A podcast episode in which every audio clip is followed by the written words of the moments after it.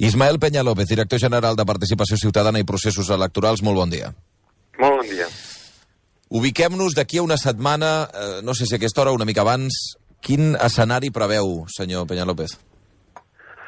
L'escenari que preveiem, no sé si és el que preveiem o el que ens agradaria, eh, m'agradaria que això coincidís amb el que ens agradaria el que trobarem.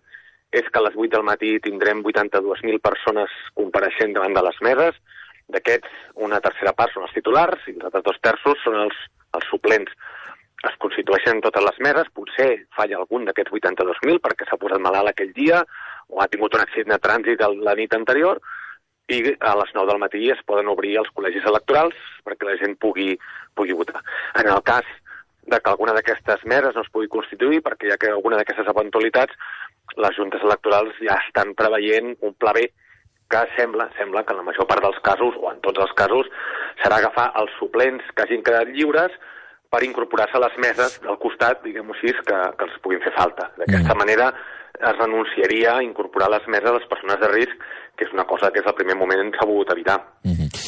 um, val, uh, anem, a pams amb aquesta opció que, que deia vostè, perquè sé que, que des de la Generalitat advoquen per aquesta opció, eh, que és no fer cas del que està previst legalment, que és, que és que els primers a arribar eh, ocupin el lloc dels que no hi són, no? Els primers que vagin a votar... Puc Sí, i tant. És que, eh, no, no, no, la llei permet fer el que la Junta Electoral de zona vulgui. Mhm. Això, de fet, és, és l'últim recurs, agafar la gent de la cua. Sí. La llei diu, tu, Junta Electoral, pots omplir les meses com vulguis, perquè tens tot el poder. Fins i tot, per tant, segona part, fins i tot la gent de la cua. Passa que popularment ens ha quedat lo de la gent de la cua com el que és legal, però legal ho és tot, i les juntes electorals realment poden fer el que vulguin. Però perdoneu, eh, l'incís. No, no, està bé, està bé. Sembla que ens estem saltant la llei, no és veritat. No, no, jo no he dit que ens saltem la llei, eh? Vull dir No, que, no, no, eh, dir que, que, que el que està previst, que és una opció, que és anar a buscar la gent de la cua, eh, preferiblement no, des del seu punt de vista, tot i que, efectivament, qui té la potestat és la Junta Electoral, no el govern. Vull dir que vostè, vos- vostè pot dir això, però si la Junta Electoral digués una altra cosa, eh, farien una altra cosa, sí? Exacte, sí, Val. sí. El que fa el govern és posar-se a disposició de les juntes per, si fes falta fer alguna cosa, nosaltres instrumentar-ho. Mhm. Però la decisió sempre és de les juntes, per descomptat. Um, el que sí que sabem és que, en principi, a priori, aquesta és la informació que s'ha publicat en els últims temps, que la Junta Electoral de Barcelona, provincial de Barcelona, té previst fer això que ha dit vostè, que és que si hi ha algun forat, algun buit en alguna mesa electoral, s'ompli amb els suplents d'altres meses electorals, no? Um, però això podria passar li pregunto que una junta digués això i una altra digués una altra cosa? És a dir, que això ho veies bé la Junta de Barcelona, però, per exemple, a Tarragona, no? Podria ser un dels, anava a dir, inconvenients, problemes, o tal com tenim muntat el sistema, és que les juntes electorals són com tribunals, són com jutges independents que cadascun d'ells eh, pot fer la doctrina que vulgui. Llavors, aquí tenim dos nivells, en tenim tres. Tenim la Junta Electoral Central, tenim la Junta Electoral Provincial i les de zona. En, en, en el mateix nivell, entre les quatre provincials, no poden un dient a l'altre què ha de fer. El que sí que pot fer la provincial, que és el que ha fet, és dir a les que té per sota què és el que han de fer.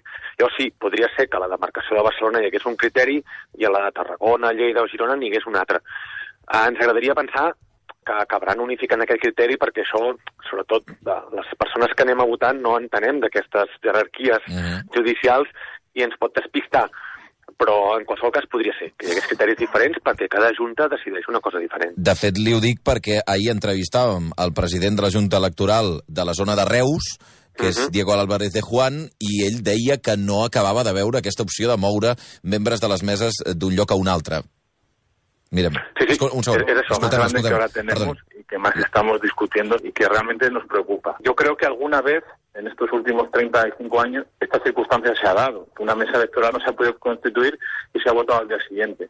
Pero claro, ahora corremos el riesgo o estamos ante una posibilidad, una expectativa real de que no ocurran una, que nos ocurran muchas. Aqu- Aquest no era el document que volia sentir, volia sentir el següent. Si podem sentir-ho, que és el moment en què posava en dubte aquest, aquest moviment de, de membres de meses d'una banda a una altra. tal y como establece la ley, tú no puedes ser mesa en otra mesa en la que no votes. La mesa se cierra con la votación del presidente y los vocales. Por lo tanto, podríamos tener un problema logístico. Si tienes que ir a otra parte del municipio, eh, particularmente alejada, me generaría dudas. li genera dubtes pel fet de votar, perquè aquestes persones, com deia el, el membre, de, eh, el, el president de la, de la Junta Electoral de la zona de Reus, Dico Albert de Juan, eh, en principi el que es preveu és que els últims a votar són els membres de la mesa. Si tu te n'has anat a una altra mesa, que no és ni del teu col·legi ni fins i tot del teu municipi, com s'apuntava, tu allà no pots votar perquè no estàs en el cens. Com es soluciona sense mm, lesionar els drets electorals de les persones que se'ls envia a una altra mesa? Doncs votant abans. És a dir, tor tornem al, al que diu l'article de l'OREC. La Junta Electoral de Zona eh, pot decidir, ha dit discrecionalment, no vol dir de forma arbitrària, però mm -hmm. vol, pot decidir estirar la llei i fer-la ajustar a les necessitats que tenim en aquell moment. Per tant, el que pot decretar la Junta Electoral de Zona és dir, uh, mira, uh, Pere, t'ha tocat anar a la taula del costat, però abans de marxar vota. És que la llei diu que hauria de votar l'últim. Ja, però jo, ara, jutge, que tinc la potestat de dir uh, que tu ara te'n vas, també tinc la potestat de dir vota en aquesta mesa i després te'n vas a l'altra. Cap problema. Per tant, sí que és veritat que tenim una llei que no havia previst tenir una Covid d'aquest tipus, i això, diguem, no és culpa de ningú, hi ha gent que està carregant contra les juntes de zona, això em sembla molt fort, perquè realment les juntes de zona ara estan tenint uns problemes molt grans que ningú mai havia ni tan sols pogut preveure, ni molt menys preparar-los. Mhm. -huh. Dit això, en els jutges els tocarà, anava a dir ser creatius. Quan, diu, quan parla d'això en termes legals, la gent s'arrufa. Però sí que es tracta d'això, de veure dins d'aquesta norma, sense saltar-se-la, què és el que et permet. I altres companys, altres juntes de zona ens diuen que una de les solucions podria ser aquesta. Abans de marxar a l'altra taula, votes en aquella taula que ja està constituïda, per això pots marxar, i cap problema, i queda tot resolt. Sí, no seràs l'últim de l'altra taula, però evidentment tampoc pots prevar el dret a vot en aquell membre mesa. Mm -hmm. en aquest punt de vista, per tant, eh, de cara a tota la gent que ens està sentint i que els hi ha tocat ser membres de mesa o suple i especialment suplents, allò que passava habitualment en les eleccions, que és que quan es comprovava que els membres eh, de, primer ordre de les meses hi són, els suplents se n'anaven a casa, suposo que s'hauran d'esperar, perquè pot ser que la Junta Electoral els digui no, no, vostè no, no vagi enlloc, que se n'ha d'anar a un altre lloc. Exacte. De fet, de fet, mai ningú hauria de marxar a casa abans de les 9. Tot i allò de constituir la mesa a les 8, a les 8 o un quart de 9 i marxar a casa, no, la gent s'hauria de quedar ja de sempre. En aquest cas serà especialment així, probablement fins a les 10. El que els dirà el representant de l'administració, que és el que està en contacte amb la Junta Electoral de Zona, si estem seguint aquest patró que dèiem ara de la Junta Electoral Provincial de Barcelona, és espereu-vos fins a les 10 per veure si es constitueixen les meses o n'hi ha alguna que està a punt de suspendre's prendre el relleu de la persona que ha pogut faltar. Sí, per, per... en lloc d'anar-se'n a esmorzar a les 9, s'anirien a les 10. Per què fins a les 10? Perquè a les 10 és el moment límit uh, per constituir les meses. Re -re Repassem el calendari. A les 8 uh, eh, es, es convoca en els membres de les meses. A les 9 han d'estar constituïdes per obrir les urnes al públic. Si no han pogut estar constituïdes és quan truques a la Junta Electoral de Zona i li dius què fem? I aquí és on la Junta Electoral de Zona diu doncs fem això o fem això altre. I tenim de temps fins a les 10 si a les 10 la Junta Electoral de Zona i les meses no han aconseguit superar el problema que, tinc, que tenien de falta de, de personal, automàticament a les 10 se suspèn aquella mesa i és la que passa a votar dilluns o segurament dimarts. Per tant, fins a les 10 que no estiguin totes les meses constituïdes o suspeses, hi hauria aquest marge per traspassar eh, suplents d'una banda a l'altra. Mm -hmm.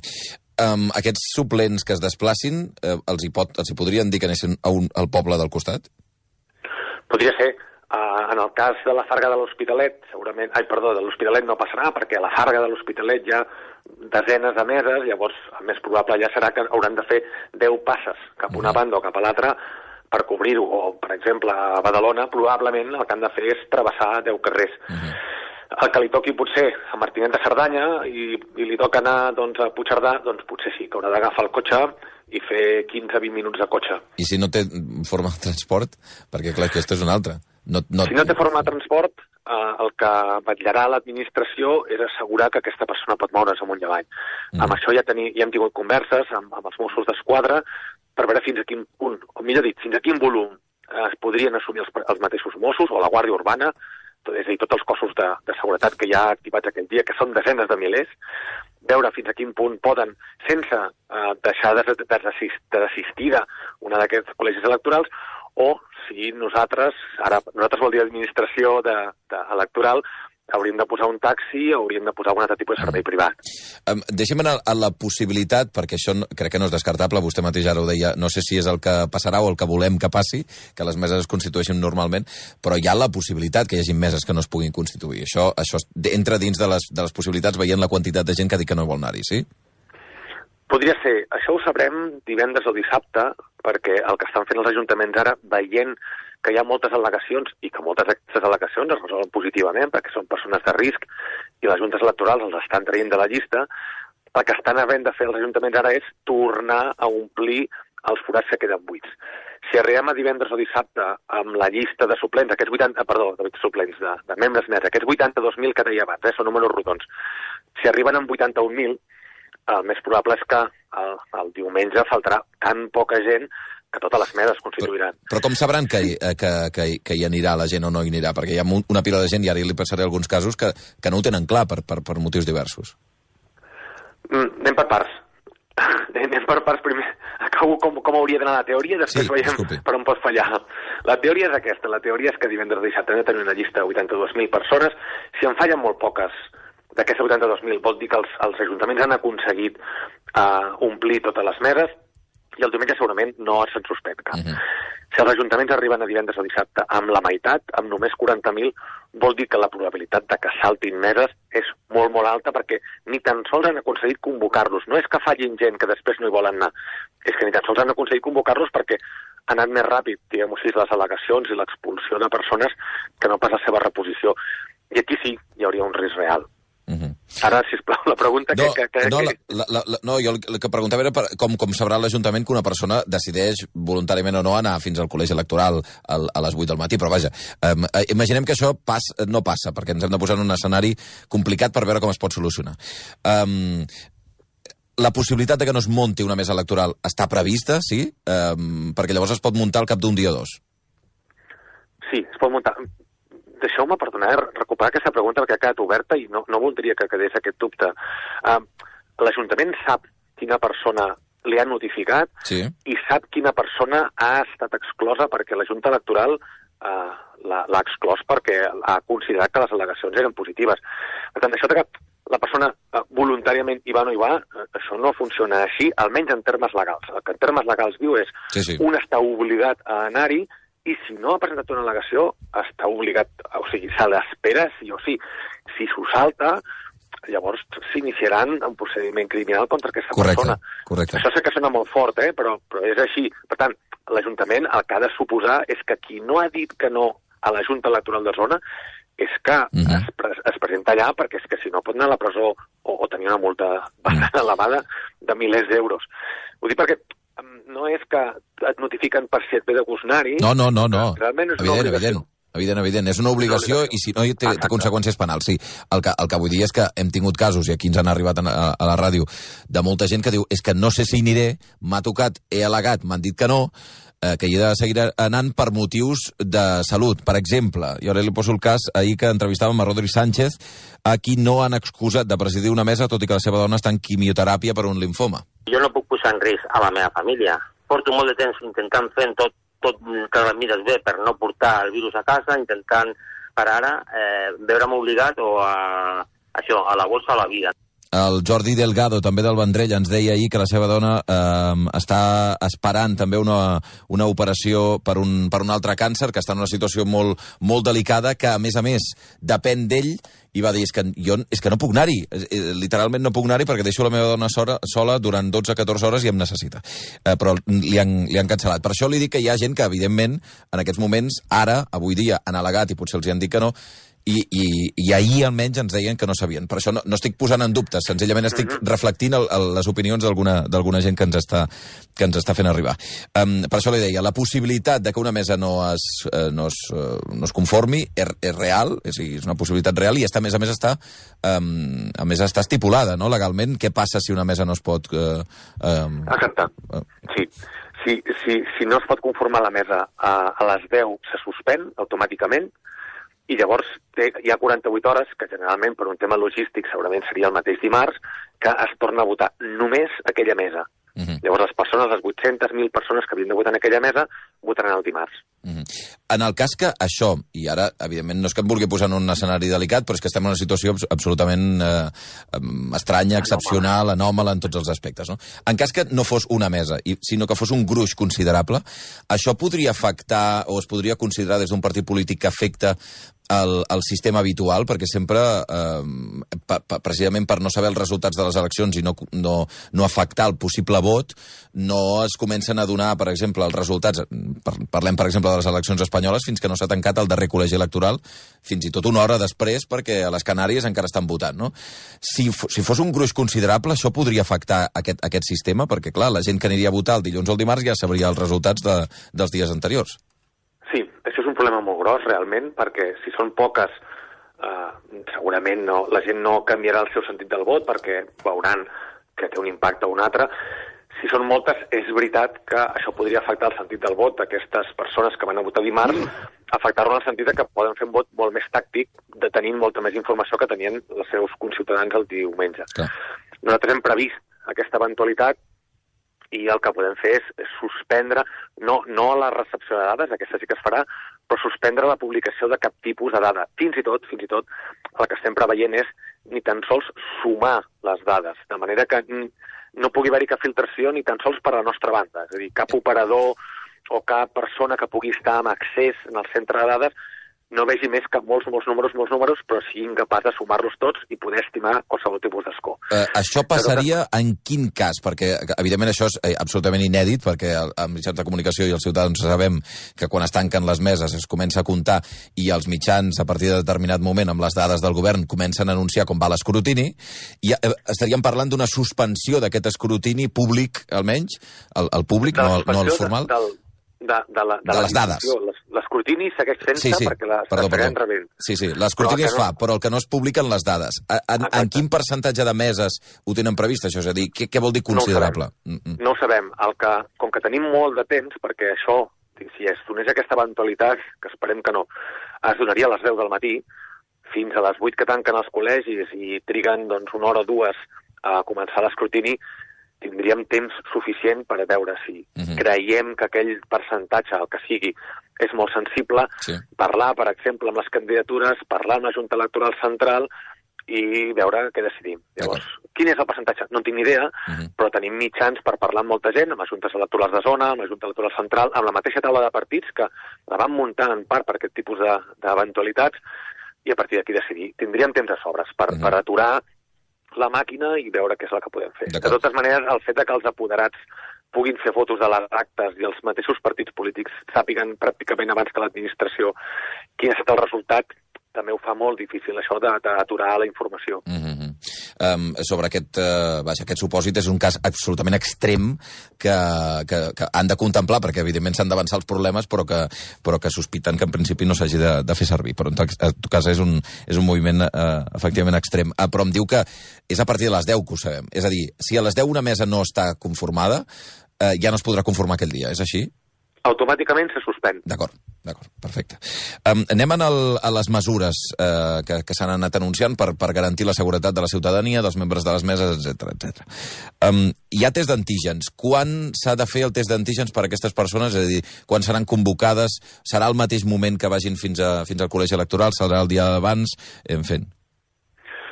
Les convocarem 9, 10, 11 i 12 de- d'aquesta setmana, de febrer, perquè vagin al CAP a fer-se'l. Uh, estem en, estamos en ello perquè el problema que tenim és que com que hi ha tanta rotació perquè les juntes electorals van fent el, accepten al·legacions i fan fora gent i en entren de nous, estem a dia d'avui, en aquests mateixos moments, un diumenge, creuant les dades que tenim per una banda de les juntes electorals amb Mm. les dades de salut per poder-los fer un missatge, un SMS personalitzat que diu el que dèiem abans, eh, Ismael, t'esperem el dia 11 a la una de la tarda en el CAP tal, que és el teu CAP. Uh, també difondrem tota aquesta informació per internet per si no arribéssim a tothom. Sabem, insisteixo, eh, que hi haurà molta rotació Sí. i que, a més, en molts casos la gent no té entrat al telèfon a la, al sistema sanitari. Clar, clar. Llavors, davant del dubte, davant del dubte, de moment, titulars i primers suplents, del 9 al 12, amb la seva carta de notificació que han entrat a ser membres mera, que han estat nomenats, poden acostar-se al CAP, acostar-se vol dir trucar al CAP, uh -huh. la gent sabem eh, que no hi hem d'anar-hi, trucar al CAP i dir, escolteu, uh, no m'ha arribat cap informació, però jo sóc titular i m'han dit que tinc dret a un test, què hi passa d'això? Llavors diran, doncs mira, toca el 12, toca l'11. O sigui, per, per tant, eh, més enllà de la comunicació del govern, hi ha d'haver-hi de mutu propi, la gent que li ha tocat i que hi ha de ser-hi, que, que truqui al seu cap i digui, miri, aquesta és la notificació que m'han fet, jo he d'anar a una mesa electoral o he de ser suplent, per tant, si us plau, faci'm un test d'antígens. En el cas que no li arribi la notificació, sí. I ja dic, no, pot ser que hi hagi gent que no li arribi, perquè estem creuant bases de dades i amb l'alta rotació és molt difícil tenir la llista definitiva. Mm. Sobre aquest, clar, en aquest supòsit també dependrà... Eh, li estic posant molts problemes, però és que, clar, és molt, molt, molt dificultós no, no, i m'imagino que... No, les circumstàncies. exacte, exacte. Uh, però, um, clar, uh, ara tenim que hi ha 21.000 persones que han al·legat. D'aquestes no sé quantes, eh, perquè no sé si té alguna dada ara mateix de percentatge d'acceptació d'aquestes al·legacions en aquests moments, més o menys. No, no tinc les dades. Em sembla que estàvem en un terç, però parlo molt de memòria i depenia moltíssim mm -hmm. de cada junta de zona. Mm -hmm. per, eh, bueno, en tot cas, si fos un... Si imaginem que fos un terç, aproximadament estaríem parlant de 5, 6.000, 7.000 persones que hauran de ser reubicades, és a dir, que s'haurà de buscar un, un, una altra persona que faci la seva funció. Um, per tant, estarem parlant, i fins a l'últim moment, a les noves persones que els hi arribi també poden al·legar. Per tant, eh, el, la possibilitat de fet de testos d'antígens es va tirant endavant en el temps. Pot ser que algú li arribi la notificació per entendre'ns el dia abans i que llavors ja no tingui temps material per anar a fer un test d'antígens o això és, és molt difícil? Mm, depèn de les juntes de zona, però ens consta que algunes juntes, ara parlo de memòria, em podria equivocar, però crec que era Lleida que estaven dient que s'havia de fer, no, no dit test, s'havia de fer el, les, les sorteig uh -huh. i mhm. les notificacions fins al 13 a la nit. Per tant, podria ser que tinguéssim aquesta eventualitat. Uh -huh. uh, abans que em faci la pregunta, estem treballant en salut, bueno, estem treballant bé, portem treballant en salut molts mesos junts, però fins i tot aquest matí mateix estava parlant amb el, amb el Marc Ramentol, amb el, amb el secretari general de Salut, sí. fins a on podríem estirar i fins on podríem forçar el sistema sanitari per cobrir aquestes eventualitats. Uh -huh. Llavors, eh, Salut som molt conscients de que això pot passar, de que el 9 al 12 és el que podem planificar per no saturar els CAPs, que sí. estan molt, molt, molt apurats, però Salut som molt conscients de que tenim aquesta eventualitat, igual que tenim l'eventualitat de, dels segons suplents. Per tant, uh -huh insisteixo, aquest matí treballàvem amb, amb el secretari general de Salut per veure si podien cobrir-ho. I aquí tenim un problema que no és tant ni de diners ni de temps, sinó estrictament logístic, i que era pel que volíem ajornar les eleccions. Clar. Fins a quin punt podem tensionar encara més un sistema sanitari que ho està donant tot fa molt de temps i els està costant molt, molt, molt. Clar. Però el que es descarta és que hi hagi un equip eh, mèdic que es pugui desplaçar pels col·legis electorals fent test d'antígens, això no. Això de moment ens sembla inassumible. Insisteixo, si, si aquí Salut és capaç de reinventar una cosa del no-res, que no sé com ho faran perquè realment no donen per més, però jo això ho veig molt, molt inassumible. Uh, de fet, els caps, és a dir, assaltar els caps ja està sent molt crític, treure els caps i portar-los als col·legis electorals, jo això crec que és impossible. Um, deixem anar a més, a més qüestions que, que tenen a veure amb aquestes mesures de seguretat. Uh, les persones que, que formaran part d'aquestes meses, oi que tenen la possibilitat de tenir un EPI, no? uh, un equip de protecció, es van fer proves, crec que s'estan fent proves en alguns municipis, Sant Julià de Ramis va ser el de dijous o divendres, Um, fins ara crec que les proves han sortit bé en el sentit de que és fàcil de, de posar, perquè aquí hi havia un altre dubte, no? perquè un EPI no és una qüestió menor. Uh, uh -huh. Crec que les proves que han fet han sortit bé. A mi em consta que sí. D'acord. Mm, jo ara jo ara mateix sé que n'hi ha hagut, crec que n'hi havia a Terrassa, em sembla que havia de ser avui, Sant uh -huh. Julià, la Roca del Vallès, jo en tenia consciència de 7 o 8, uh -huh. i, i la idea és que realment aquest EPI, que per això vam optar per una bata, sí. fos molt més, bas, més fàcil de posar. Alguns són un bus, eh? Un, perquè alguns ja havien fet les compres, però sí que la qüestió d'aquesta era, era que fos fàcil de posar, que la formació que poguéssim fer pogués ser online perquè també arribés a tothom, que es pogués gravar perquè ho veiés no només el responsable de sanitat, sinó totes les persones que n'hauran de fer ús. Per tant, de mm. nou, som molt optimistes i, i una qüestió que de vegades sembla que s'escapi, que diuen la Generalitat no parla amb metges. Bueno, el Departament de Salut eh, està ple de doctors i ells són els que ens estan assessorant a nosaltres, és a dir, afortunadament no sóc jo qui decideix com ha de ser aquest EPI, Salut i a tots els equipaments mèdics són els que ens estan assessorant amb això i entenc que estem fent les coses segons les necessitats i a les possibilitats que tenim. Ens pregunten per als interventors, hi ha alguna mesura extra per ells o no? No, és, D'acord. bueno, és a dir, no, eh, no no n'hi ha per l'última franja, Uh -huh. perquè en aquesta franja. Mhm. afortunadament, exacte, de 7 a 8, que és quan venen els contagiats, eh, ells poden distanciar-se, poden moure's, poden sortir fora, i realment no estan ancorats davant una urna. Mhm. Durant el recompte, que és el moment crític per ells, allà sí que hi ha unes pantalles, unes FFP2 i, un, i uns guants. Uh -huh. Um, acabo només amb una qüestió que abans li traslladava el Carles Fernández, eh, eh, ho confirmo amb vostè.